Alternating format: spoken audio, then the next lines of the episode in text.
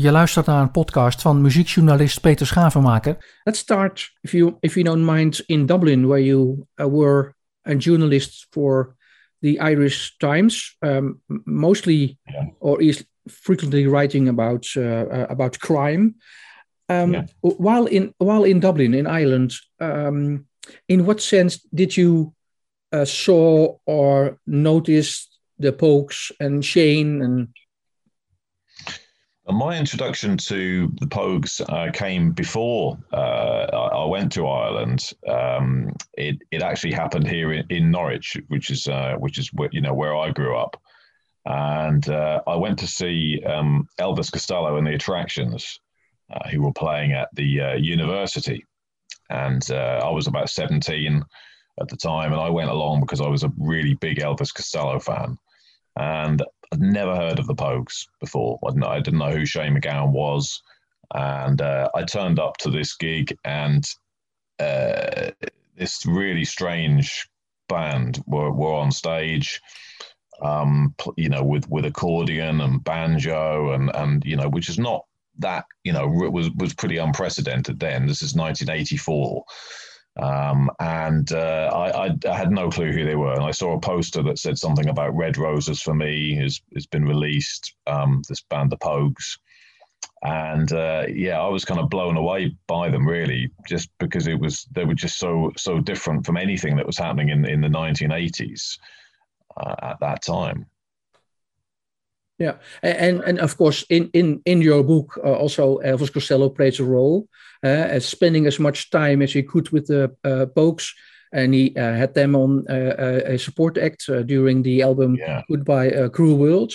Um, so he, he's also a big influence, and he has a big role in not only in your book but also in the career of the Pogues, and for you. Yeah, Definitely, uh, Elvis Costello. I mean, uh, if if you know, it was because really that he um, uh, uh, that he was he had sort of got an eye for Cait O'Riordan, um, and uh, I know he went to a, a, gig and saw her on stage, and I think um, I think that was you know one of his prime reasons for, for getting the Pogues uh, out on on tour with him. I think it was his sort of ulterior motive, really. Um, but I mean, sure, that that was that was the Pogues um, real break. They hadn't um, done a headline tour uh, really like that. Uh, you know, it, it, or, or, not a headline tour, but they hadn't they hadn't played a really massive UK tour at that point. Um, they were playing primarily around London and, and other parts, um, yeah. and much smaller venues. So you know, that was that was a that was a big break for the Pogues to to support Costello on a, on a nationwide tour. Before others fuck them up, the uh, Elvis Costello says in your book. Yeah, yeah, I think. Well, he, I mean, Costello was was a really good producer, uh, a very well regarded producer. He produced um, uh, the Specials um, debut album.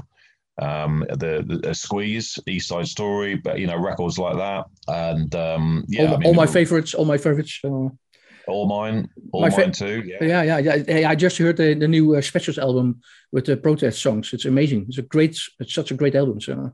Oh, okay, okay, yeah, yeah. I'd, I'd like to hear that. I mean, the, yeah, the, yeah. The, certainly, certainly that original record, uh, the Specials, uh, is is just iconic. I mean, it's just such a such a great uh, record. I think I think he really captured them, and and I know he was keen to do that.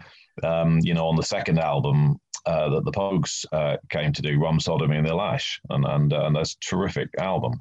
Yeah, yeah. So so uh, uh, basically Costello, and then uh, you get to notice the Pogues, but also um, you had a, a big big track record as a writer with the book on Ian Dury in 2000.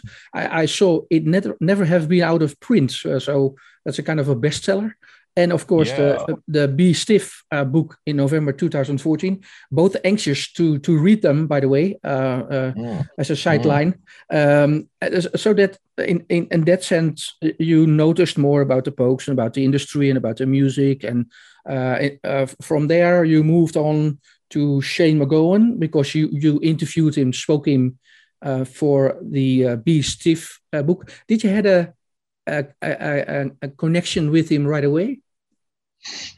I think um, uh, he, he was definitely somebody, uh, it was quite different to, to how I expected, really. Um, uh, much kind of quieter.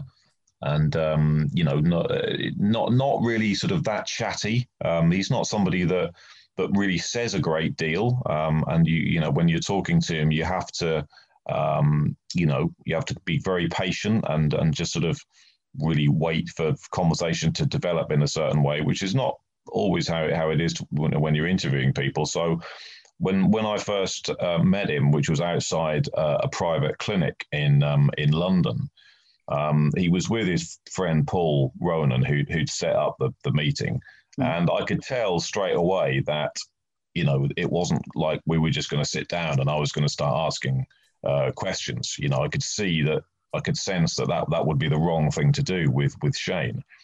Uh, and if I wanted to get him talking about stiff records, I might have to sit there for quite a while and and you know have a few drinks, just and just wait and you know and and and wait for a, a time when he was uh, he was happy to do that. Uh, and I think anyone who's interviewed Shane uh, over the years has found that you know often interviews have taken place at five o'clock in the morning because you know the, the person interviewing him might have thought that they were going to talk to him at nine in the evening, but it's just it's just not not the way Shane um, operates. He doesn't have an alarm clock. I, I read so. No, he doesn't. I mean, he, he's somebody literally that um, you know time has absolutely no meaning for him. It, it, you know, he has no structure uh, really. Um, he doesn't sort of eat at a re- relatively uh, regular time like like most people, uh, or, or necessarily he, he, sleeps when sleep comes to him. You know, he doesn't go to bed with you know he just sleeps when he sleeps, and often he doesn't go to bed. He just he just sits in a chair, and, and he's actually done that um, pretty much all his life. That's not a, that's not a recent thing. Mm. So. I think you know one of the interest, one of the really interesting comments I think that was made um, by Steve Lillywhite, um, the, the, producer of the Pogues' um, third and fourth albums, and of course Fairy Tale of New York. He said that he's only met two real bohemians uh, in in his life as a producer, and I think he's met a, a, a you know a lot of people. Yeah, the other uh, one's Keith Richards. Yeah? yeah, yeah, Keith Richards. Yeah, yeah Keith yeah. Richards. Yeah. Yeah. Uh, do you think they are a kind of a similar uh, characters or? Well, I haven't met Keith Richards, but I think in the sense that they, um, yeah, they don't have any kind of routine. They just, you know, they just let let the day go by, as let the day unfold as it as it does, and um, you know, the, the things that are sort of important to most of us are just just not important to them. You know, that's just not the way they operate. Um, you know, Jerry O'Boyle, Shane's manager and his and his longtime friend, has said he lives in his head, mm. uh, and I think that's a good a good phrase. Yeah, but how do how did you convince him? Because on page one seven four you write uh, he's shy his entire life, but also a social animal. How did you convince him? Uh, first of all, to to get him talking about uh, stiff, but maybe more important, to get an authorized story uh, and a book. Yeah. yeah. Well, I mean, I, I think um, with the with the stiff uh, interview, yeah, I mean, we, it was we were there for I was there for several hours, um, and I think it was just being patient. And Paul Paul was kind of indicating to me, look, you you know, you might want to just leave it for a bit, and you know, we'll talk about other things. Just uh, I think Shane um, he's somebody who he is very open to, to talking to people. Uh, he, he's not hostile in any way. Uh, I didn't sense any hostility, but um, I think he takes a while just to to warm up. You know, you have to warm him up a bit, and he has to get used to you. And I think that's that's perfectly perfectly uh, understandable that somebody that he's never met before. And um, you know, uh, so yeah, I, I we we talked about things that I thought he would be interested in talking about. That's that's that's what I normally do if I think somebody is maybe not not so um, not so keen to talk. Mm-hmm. Um, but I found him just great company, and um, and he laughs away at the you know the stories that he things he remembered from being on on tour with uh, Elvis Costello, and and you know funny things that happen in the studio and whatever, and um, you know he, he's just great company, and I um, the way that the book happened really was that some years uh, after I'd done the Stiff book, I, would already sort of kept in contact with Paul Ronan, um, who is just a fantastic guy and um, you know great a great friend of mine now. And uh, I'd kept in touch with him, and I went back to him and said, "Look, you know, i am I'm, I'm ready to do another book. I'm starting to think about what what that might be about." do you think you know do you think I might be able to write about Shane and he said that he would sound Shane out which he did, and he came back to me and said that Shane wasn't wasn't against the idea. Mm-hmm. So then he started taking me to Ireland um, to see Shane.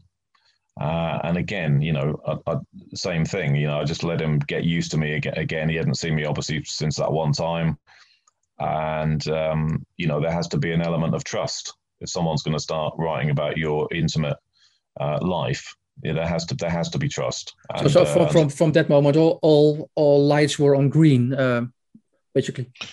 Yeah, I think so. Yeah, I mean, I think it was um, well, certainly on Amber at the very least. I mean, uh, you know, it it was, um, you know, I, I was brought into his into his hat into his flat in Dublin. So Paul and I would would would you know go straight there, and we would just sit. And I think the first time I went to to see him in in Ireland, I think I was you know in his sitting room thinking you know, I'm not even going to interview him this time or, or, or attempt to interview him. I'm just going to treat this as a uh, as an introduction, you know, that just to, to so that he can get to know me and, and trust me and uh, and get used to me being around him. Yeah, so so to play on confidence and uh, and, and uh... yeah, because I I mean even though I mean you know I, I have a job and and, uh, and and you know I can't go over to Ireland you know endlessly to to so I mean, there was that sense I, I knew that I had to at some point had to sort of you know get on with it and, and get get information out of him. But certainly on the first visit it was worth you know being patient. Um, I mean some people have somebody I think once likened um, interviewing Shane or, or attempting to interview him as as, as nature photography or you know nature making a nature documentary um, and it, it is like that. You know you know it's kind of waiting in the long grass and and sometimes you have to be incredibly patient mm-hmm. and sit up very very late at night and um, you know wait wait for your opportunity. That that's that's how he goes. Yeah. Did, did you have to live the, the the lifestyle of shane to to get in his basically his lifestyle well, I mean, certainly the lifestyle that he he now has, yeah. Uh, but the, but the lifestyle that he has now is is um, you know is nothing, uh, you know, nothing to to what it was uh, in in the Pogues in the Pogues pomp, you know. So um, I mean, Shane um, drinks uh, white wine, and um, you know he's always got a bottle of white wine in front of him, and and uh, you know he always likes to have a drink, but he's he doesn't guzzle drink down like you know some some lunatic. I mean, people probably have ideas of of, of, of what his lifestyle is like, um, and um, he actually drinks you know very very slowly. And in fact, you know if you're sitting with him, um, you know we'd be drinking a lot faster probably and more. But of course, we're not drinking across 24 hours like like like he does. No. Yeah. Um, you know, it's, it's like a, the tap never gets turned off.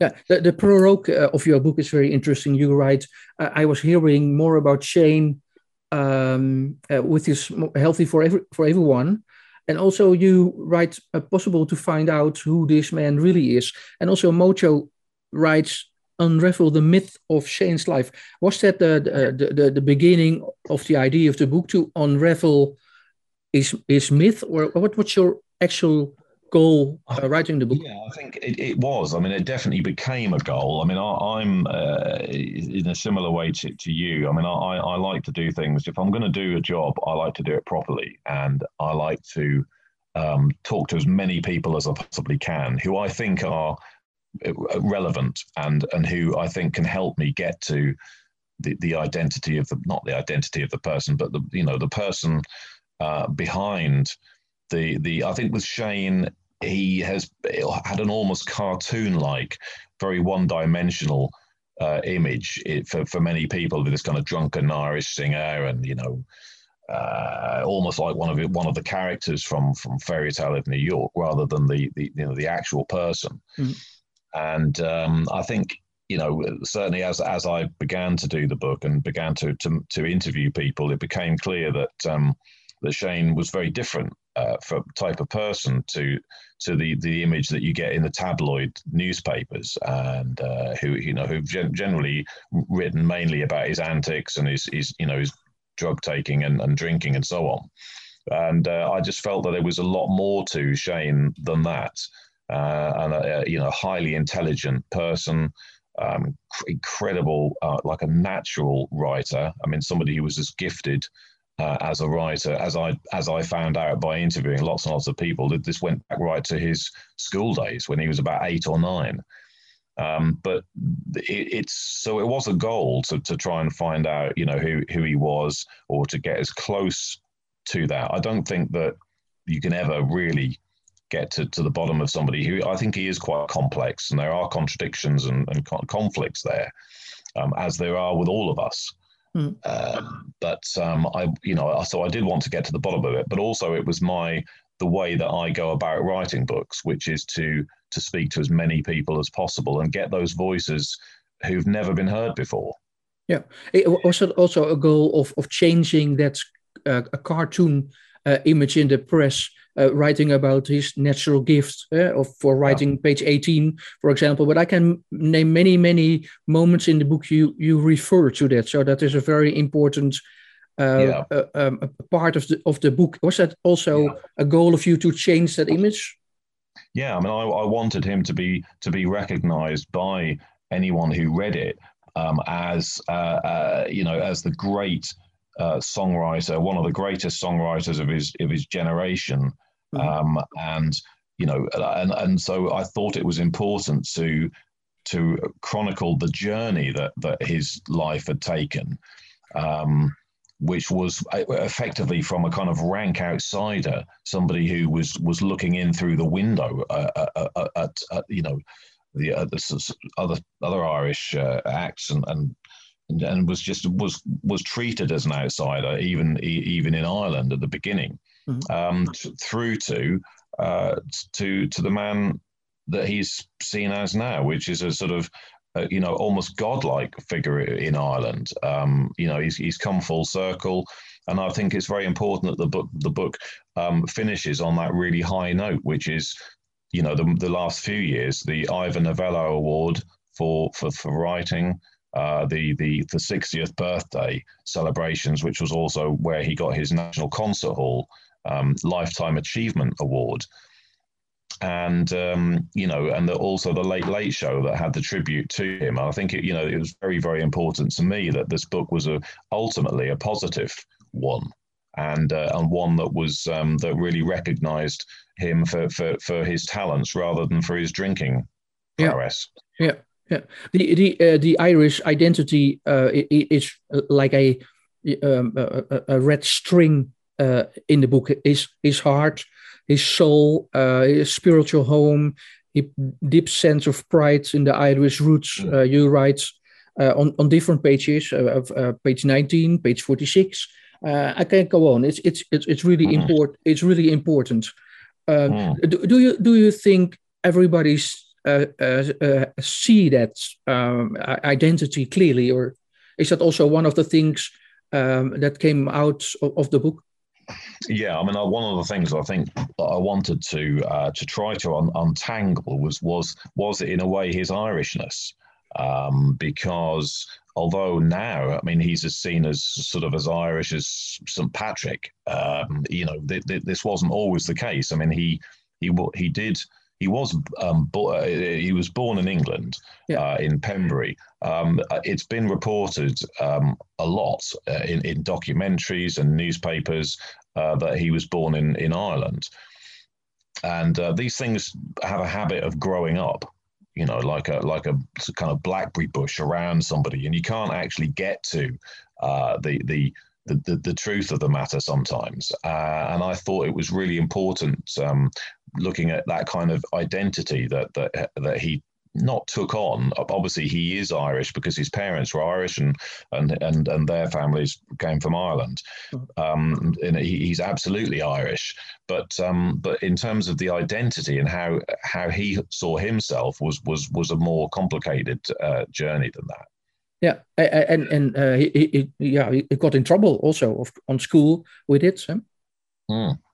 Yeah, um, um, I think when when you're, um, it's it, I think a lot of um, uh, children from uh, you know sort of sort of second generation Irish uh, growing up in England had the same uh, a similar experience, which was one of a slightly um, you know dislocated sense of identity. Um, you're not really Irish because you're not living in Ireland and, and, you weren't born there, but equally you're not really English either because you, you're you're you're clearly um, you know from an Irish family. Uh, and um, you know, and, and it's it's and a very different um, kind of uh, different roots and, and traditions. So, mm-hmm. um, you know, I think there, I think there was, and I think that's that's true of a lot of, um, and uh, there, there are other people in the book uh, who, who are from Ireland who who recount a very similar upbringing of uh, being taken in the school holidays back to farms where you know where their families were from, you know, and having that. So you've got those kind of two lives almost going on. How, how would you say that that uh, it was important later uh, when he was writing songs and he performed? Uh, in what sense would you would you say that?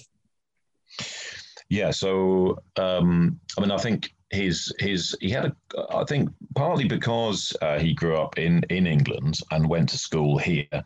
Uh, and uh, and in public fee paying schools as well. He didn't go to to to ordinary schools. He went to fee fee paying schools here in in England, and um, I think um, you know his his holidays uh, over to uh, rural Ireland. Uh, it's just an amazing place. The Commons is such a such a fantastic location. It's just like another world, you know. And then to to a child, that would have literally been like going into a completely different um, world to to go there.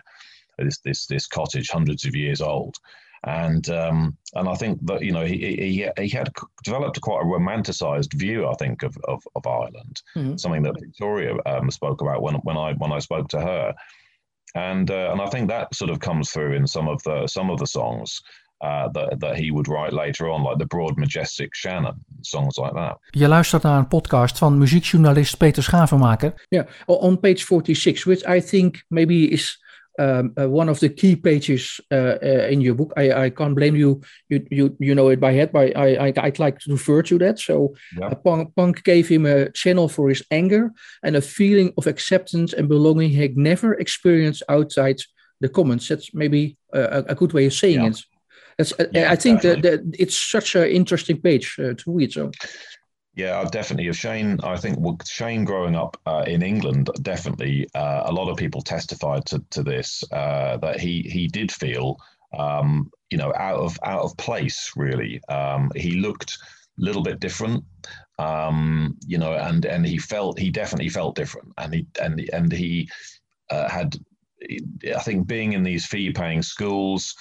Um, definitely Westminster was not the place for him for sure. You know, when he went there, uh, that was that that's, was that's a, an understatement, more or less. understatement of, of the year. Yeah, yeah, yeah, yeah, yeah, of the decades. Yeah.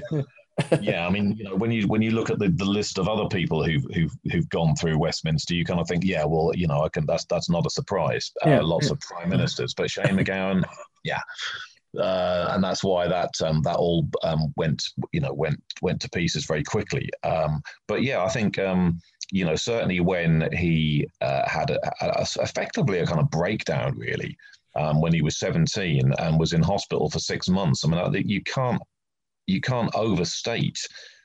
Uh, I don't think how how uh, what an impact that would have on on a 17 year old. I remember Siobhan is quoted in the book talking about she remembered going to see him with her with her parents on on Christmas Day, which of course is, is Shane's uh, Shane's birthday. Yeah, Siobhan is, Siobhan is uh, Shane's sister, and also his father Maurice also has a, a very uh, important role in the book. So for not everybody who, who read the book yet, so uh, it's basically uh, important to say that. So. Yeah, absolutely. Because you, yeah, you and I know who Siobhan and and Maurice sorry. are. So uh, uh, yeah, so sorry. So uh, Shane's sister Siobhan and, uh, and his father Maurice and, and, his mother Therese, you know, they went to see him on his birthday, and six months, you know, it's a long time uh, to be uh, to be in a psychiatric hospital, and and they weren't the enlightened places that they are now. I mean, this is 1970. Uh, you know, three or whatever it was.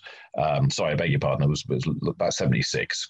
Hmm. And um, you know, so when he came out of of um, Bedlam, uh, having having been treated there and certainly seen people, I mean, he although he didn't get ECT electric uh, shock treatment. He, he certainly would have been aware of other people uh, receiving that there. Mm-hmm. Um, so yeah, he was angry. I think about the way that um, maybe what had happened to him. Um, the, the direction his life was taking. Things at home weren't so great either because it hadn't worked out um, when when the family moved to um, the Barbican into a very urban uh, setting. Mm-hmm um, that hadn't worked out for his mother and that had made made her ill really and uh, he was angry about uh, the, the British involvement in Northern Ireland. Uh, he'd, he'd, he'd, obviously heard a lot about um, Irish history and, and the Republican movement when he'd been over at the Commons, and, and, and, and I think he felt anger there. So yeah, there was there was a lot of anger there, um, and Punk definitely uh, it, it, the timing of that was was great because it gave him straight away so a, a, a way of channeling those those feelings.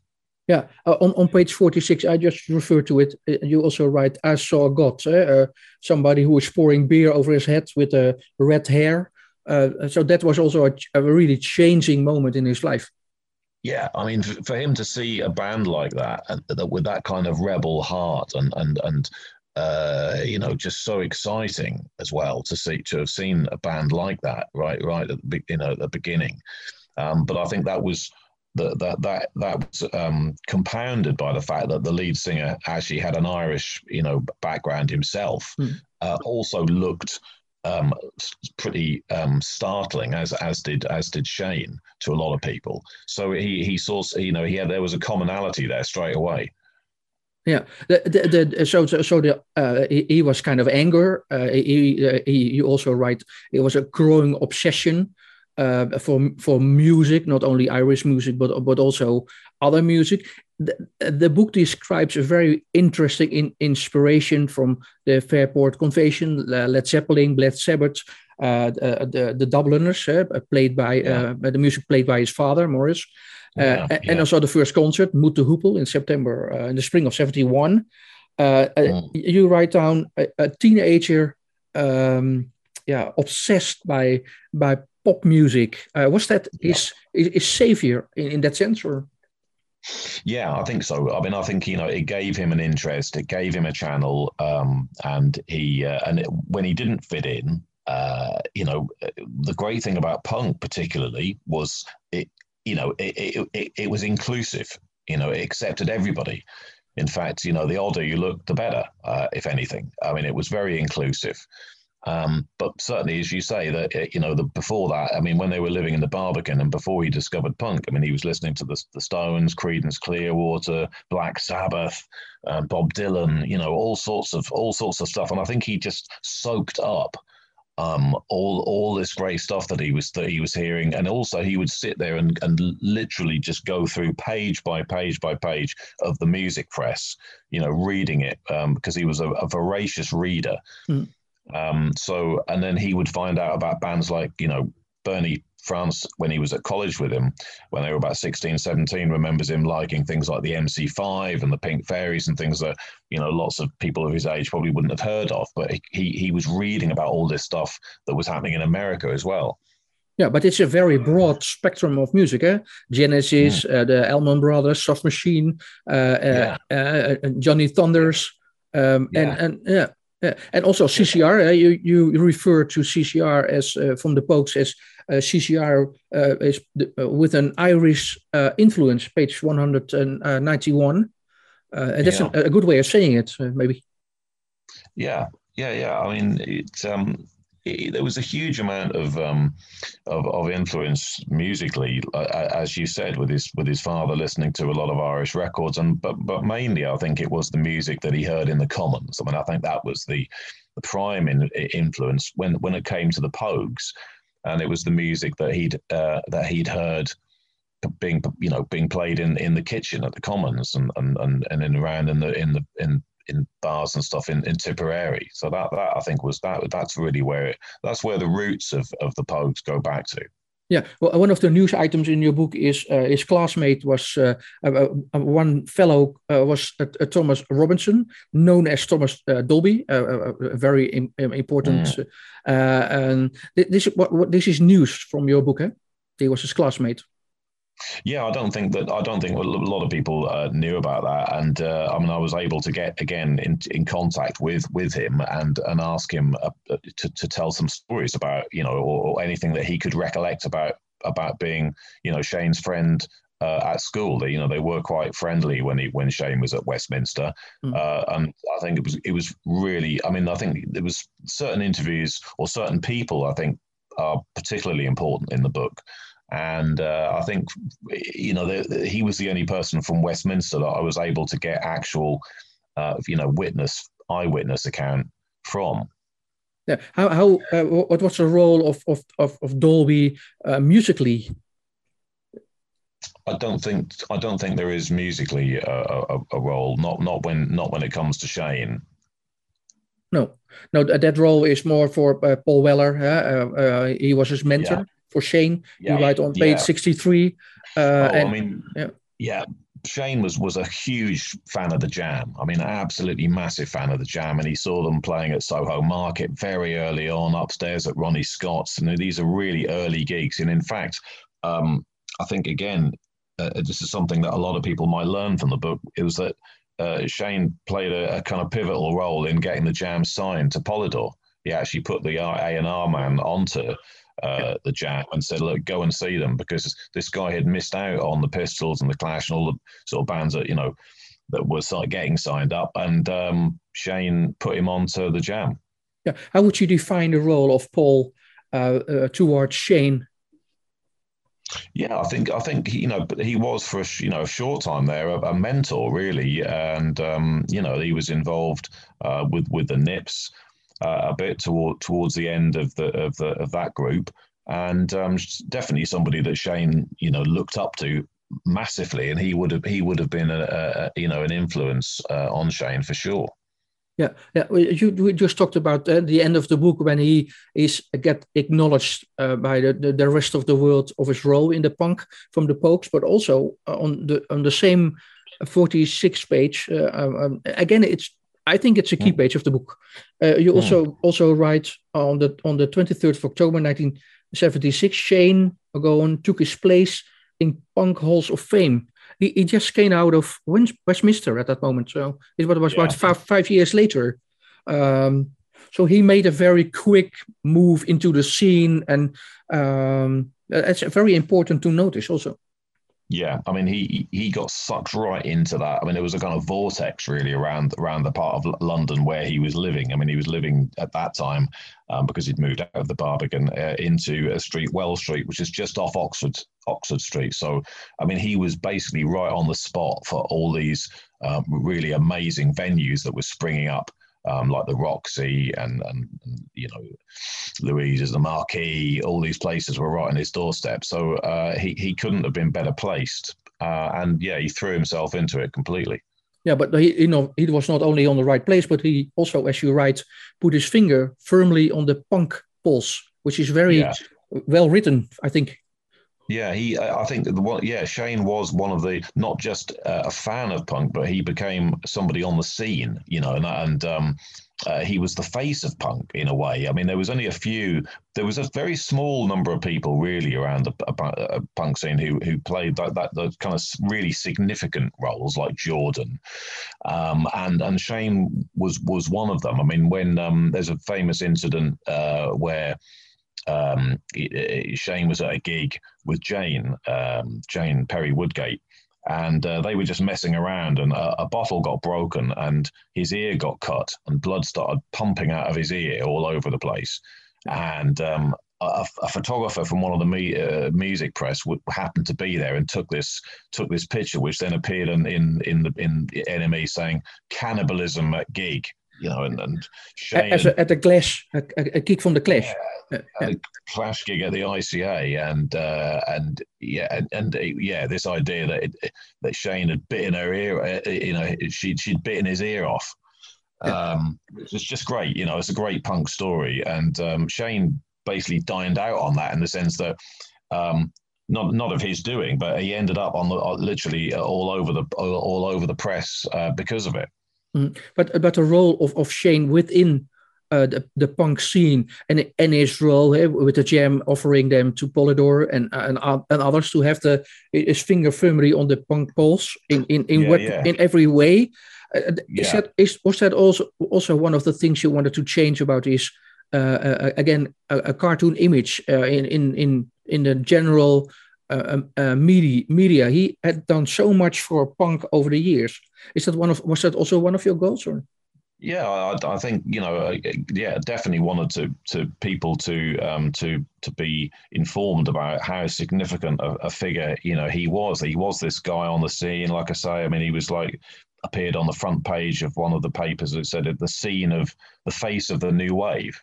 You know, he, uh, he wasn't just like a face in the crowd. I mean, he was a face on the front of the front of these papers, and um, and yeah, I mean, he um, he, he he was I think, you know, desperate to make his own. He saw people like Weller on stage, and then I think he, he was desperate then to, you know, to express himself in, in the same way and, and, and you know, to, to, to actually get up on the stage rather than jumping around in front of it.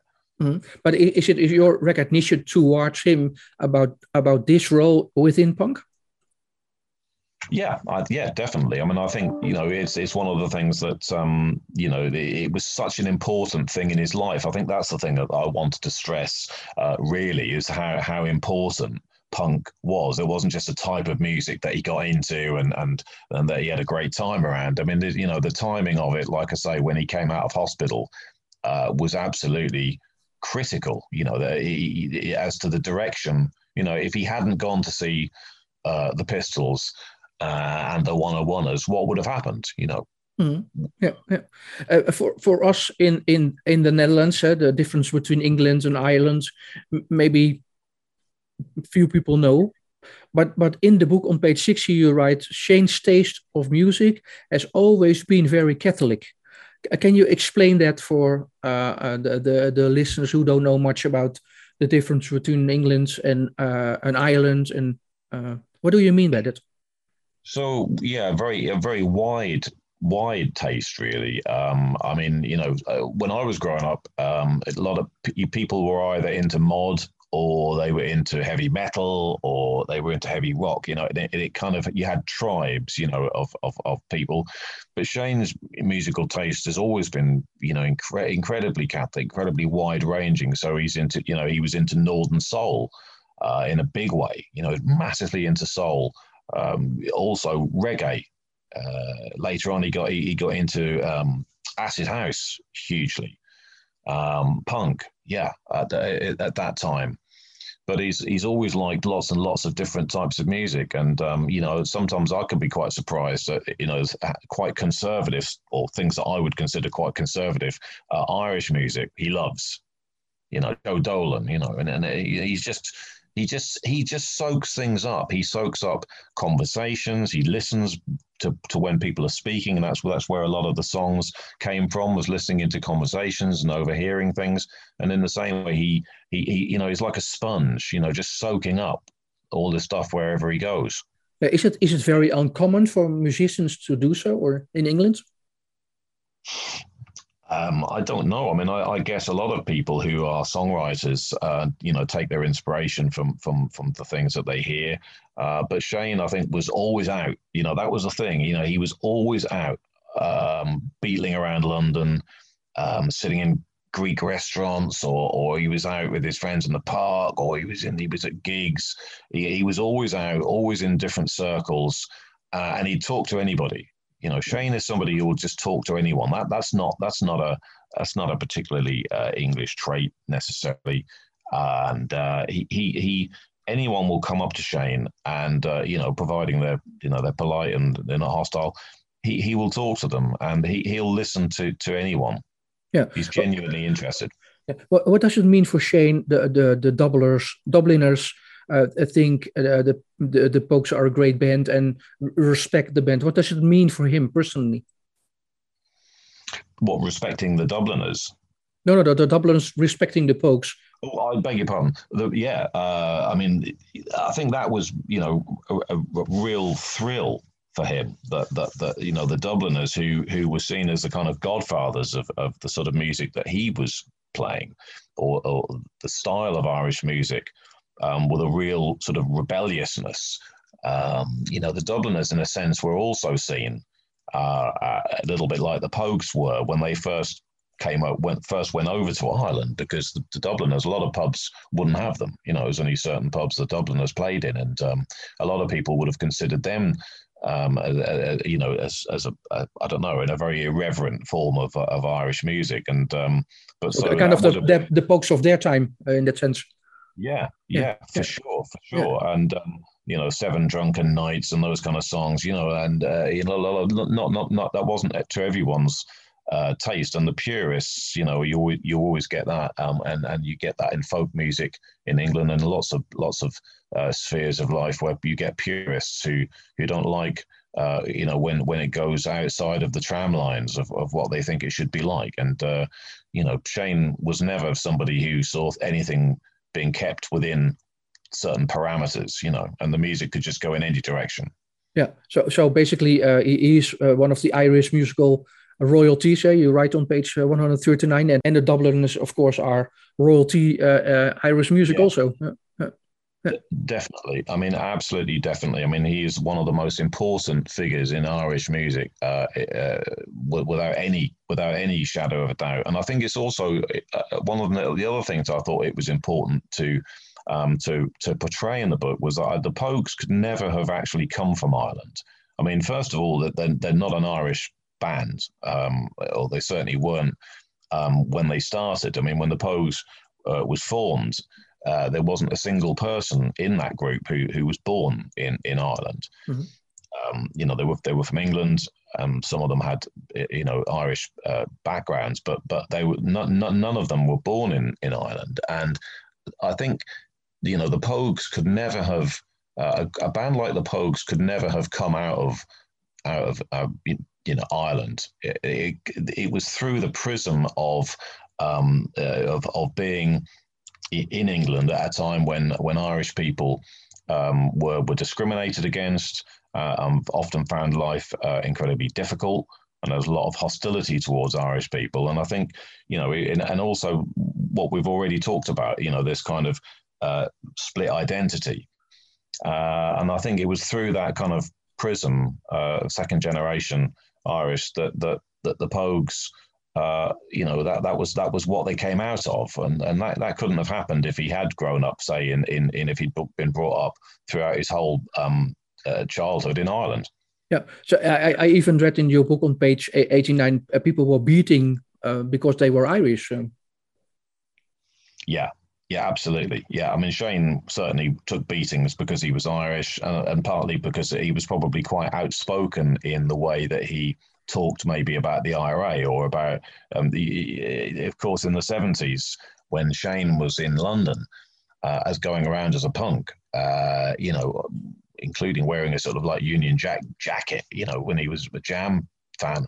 Um, you know, the IRA were carrying out bombing campaigns in in, uh, in, in Britain. In fact, when the Pogues went on tour uh, in, in with Elvis Costello, that was around the time of the Brighton bomb when when the IRA tried to uh, blow up the British cabinet mm. and, and, came came within inches of, of killing Margaret Thatcher.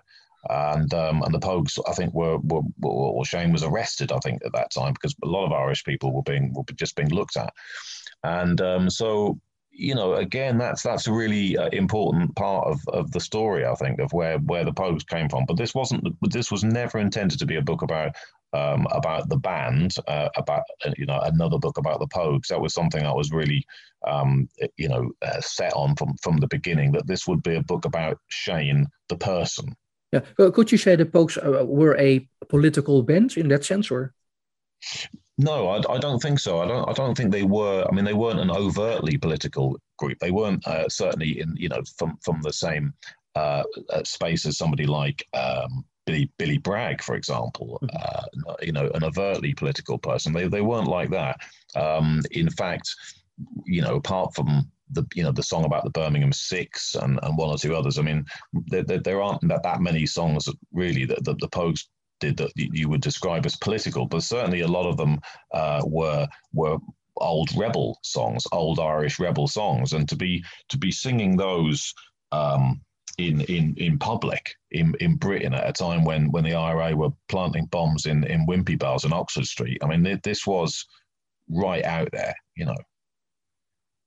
And I think that was something that a lot of Irish people living in London who went to see the Pogues took great confidence from and, and took, you know, that, that, that this was not just great music with a real rebel spirit, but it was, it was, these were Irish. Uh, Shane was an Irish person who was proud of being Irish, and not not only that, he was singing these old rebel songs, you know, in public when when uh, you know Britain was in fear of um, of attacks. Yeah, yeah. Uh, with his music, he stood up for uh, that people in in in London, uh, the Irish people. Yeah, and I think he gave them, uh, you know, a, a sense of, uh, in the same way that the Commons maybe gave him a sense of identity when he was younger and, and going over on holiday with his parents. I think, you know, the the, the, the being inside a Pogues gig gave, gave a sort of a sense of identity uh, for a lot of London Irish uh, or Irish people living in Britain. Yeah, the, the Pogues were banned by the British government uh, in uh, October 88, a broadcast ban from the BBC. Um, uh, what did it do with the status of Shane, uh, with his uh, cultural status? Um, yeah, I mean, it was um, uh, like I say at that time. Um, you know, it was it was it was very. There were a lot of rules and regulations around things. I mean, Sinn Féin's um, uh, leaders weren't allowed. You weren't allowed to hear their voices. They had to. They had to have subtitles uh, on the screen uh, although that may have just made it easier to to understand them. Uh, and um, not sure that well, but but Shane, um, you know, yeah, I mean, it, it, was. I think he was kind of shocked by that. Maybe I, I don't know. I mean, the, the, the idea was that I think the plan was that the because the song segues uh, into from the streets of sorrow into um, the Birmingham Six, that the band assumed that um, that that was going to happen. But I think as soon as the song was about to go into the second part about the Birmingham Six, they just went to an ad break and uh, then just cut them off. Yeah, yeah. Uh, John Peel uh, picked up the the, uh, uh, the, the Pogues, but I also uh, read about um, Shane talking about Dexys Midnight Runners, page seventy-seven. He he says oh. Dexys had done it. So he, oh. he was very interested oh. in the in the music of Dexys Midnight Runners. Yeah, yeah. I mean, Dexys, yeah. Again, I, I mean, uh, you know, when I was researching the book, I mean, I'm a really big fan of Dexys, and uh, and I was around growing up at that time when when they were, you know, when they were getting in the charts. Uh, very important band for me, and and I think they were quite, you know, quite important for Shane as well because um, the, the the Nips. Uh, supported Dexys uh, on some of their some of their shows. Mm-hmm. Uh, I discovered when I started looking into it, and um, Come on Eileen, uh, obviously a, a, a, huge record here. Um, you know, Shane Shane really loved the record. Uh, and I suppose they were the only band that I had ever heard and liked before I saw the Pogues, who were playing kind of um, roots music, you know, Celtic music. Yeah, the, the, the Nips. Uh, before that, the group was called the Nipper Nipple Erectors. Everybody who yeah. doesn't know that, so yeah and the Nips are yeah. very famous. Well, I think you know it's, it's, it's so it's twice it's twice in Shane's career the bands that he were in changed their name because uh, obviously the Pogue started out as Pogue Mahone, yeah. which means kiss my ass in Gaelic. And uh, so they had to change their name in in the same way that the Nipple Erectors changed the Nips. Yeah, a, a great story about uh, uh Joe Strummer of the of, of the of the Clash. Uh, he, he, could have been in as a replacement of, uh, of, of Shane. Shane says in the book on page 186, a great idea, but the band wouldn't go for it. Uh, Strummer uh, wasn't there uh, that uh, charismatic. Would have, would it ever ha have been possible? Joe Strummer could well, re replace. He, um, no. Well, he did. I mean, he Joe Strummer did did replace Shane. So when when um, when Shane was sacked uh, by the band in in Japan, uh, you know, a little while after that, uh, Joe Strummer did did front um, did front the, the front them a bit. Yeah, yeah. I would. I would what's your opinion about it? I think um, I think Joe Joe did a did a did a really uh, did a really good job. I don't think anyone else, perhaps other than Joe, could have could have done it. But but the bottom line is that you know the Pogues without Shane weren't the Pogues. Hmm. Would be my opinion on that. Yeah, yeah. So so the Pogues with Joe Strummer, you you don't consider the Pogues.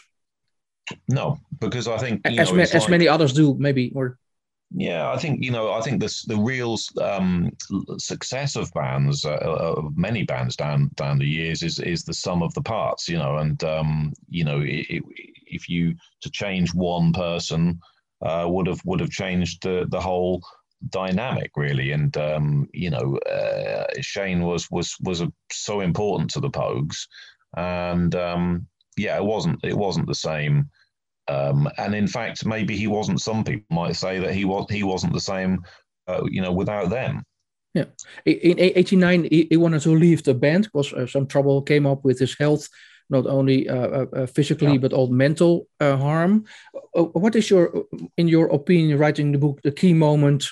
Everything maybe collapsed or, or turned another another way. Yeah, I don't, I don't know about a key moment. I mean, certainly, I think it it came, it it, it was coming. I mean, that what what Shane, uh, one of the things that about his personality, I think that a lot of people spoke about, and again, this is part of him. I think I did reveal really is that he he doesn't he doesn't like to uh, confront anything. He's not he's not somebody for conflict. You know, he'll do anything to avoid conflict. Uh, he doesn't like to fight with people and fall out and upset people.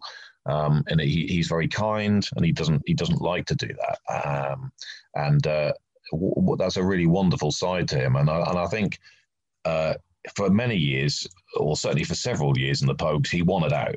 Um, it, it, the way that um, the band was managed by Frank Murray um, w- was certainly um, a key uh, aspect in in terms of how they became successful. I mean, he just his his and it was an old school approach. I mean, Frank Murray's approach was an old school one, which is you know you get a band out on the road and you keep touring them and you keep touring them and you keep sending them around the world, uh, and and you know that's that's how that's how it will be, and um, and certainly it had a it was successful from a commercial point of view, but it also drove the ground the band into the ground really. Um, and Shane wasn't really somebody who, who you know was suited to, to touring. Certainly not not that heavily. So I think it was coming for a what for quite a long time. And I think effectively what Shane did was rather than confront the issue, he he he just he he contrived to uh, make it impossible for the band to go on with him. Mm-hmm. Yeah, and and even uh, uh do uh, um, uh, gigs he just called himself ill or um, uh, didn't want to perform and didn't show up. And so he, he made it he made the, it, it, it possible for impossible for the others to to be yeah. uh, the Pogues, uh, so so to speak. Yeah, i think i think that was it. And i think what happened in japan was that maybe the last straw for them was was just you know him being you know incapable really to to to perform on stage. Not not not just a bit drunk but you know just just really incapable of, of performing. Um and they just didn't want to go on with with with, with that, uh, and and he didn't want to go on either. In fact, you know when when they sat him down and they were so nervous sitting him down in a in a they called they called him to a, to the hotel room in Japan. And you know they were nervous about doing it. And and you know who's going to tell him? And well you you know you, you're the last one in so you may, you maybe you tell him well I can't tell him. I, I'm his oldest friend. You know uh, no one wanted to say it to them. And when when Darryl Hunt, I think it was, said to him, "Look, you know, we, um, we can't go on with you." Shane's response was to laugh and say, "You know, what took you so long?" Yeah, yeah, it, it, it yeah, yeah. It even cost him a um, a meeting with uh, uh, Dylan, the the Dylan debacle yeah. uh, uh, on page 169. It's a very interesting story. People should read it. We, we're not going to talk about it, otherwise uh, no. we uh, uh, we, we, we, we, we, yeah to reveal everything. But it's a very interesting uh, story about how everything worked did not work out with uh, uh, with Dylan. Uh, the, the boss is a very big fan. Nick Cave says he feels as the Pogues written their story of our lives, page two six eight. So he has huge fan base, uh, not only from uh, regular fans, but also from uh, uh, the, the big names from the, the music industry, Uh, and there's Yeah. also also a, a thing in the book which uh, brings him um, maybe the recognition huh, in that sense.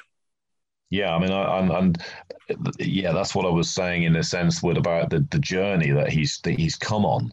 You know, the Pogues playing Irish music at that time in Britain. I mean, this was this was the world of, of Duran Duran and and Wham. You know, um, they they were the outsiders outsider. I mean, you had you know Wham were.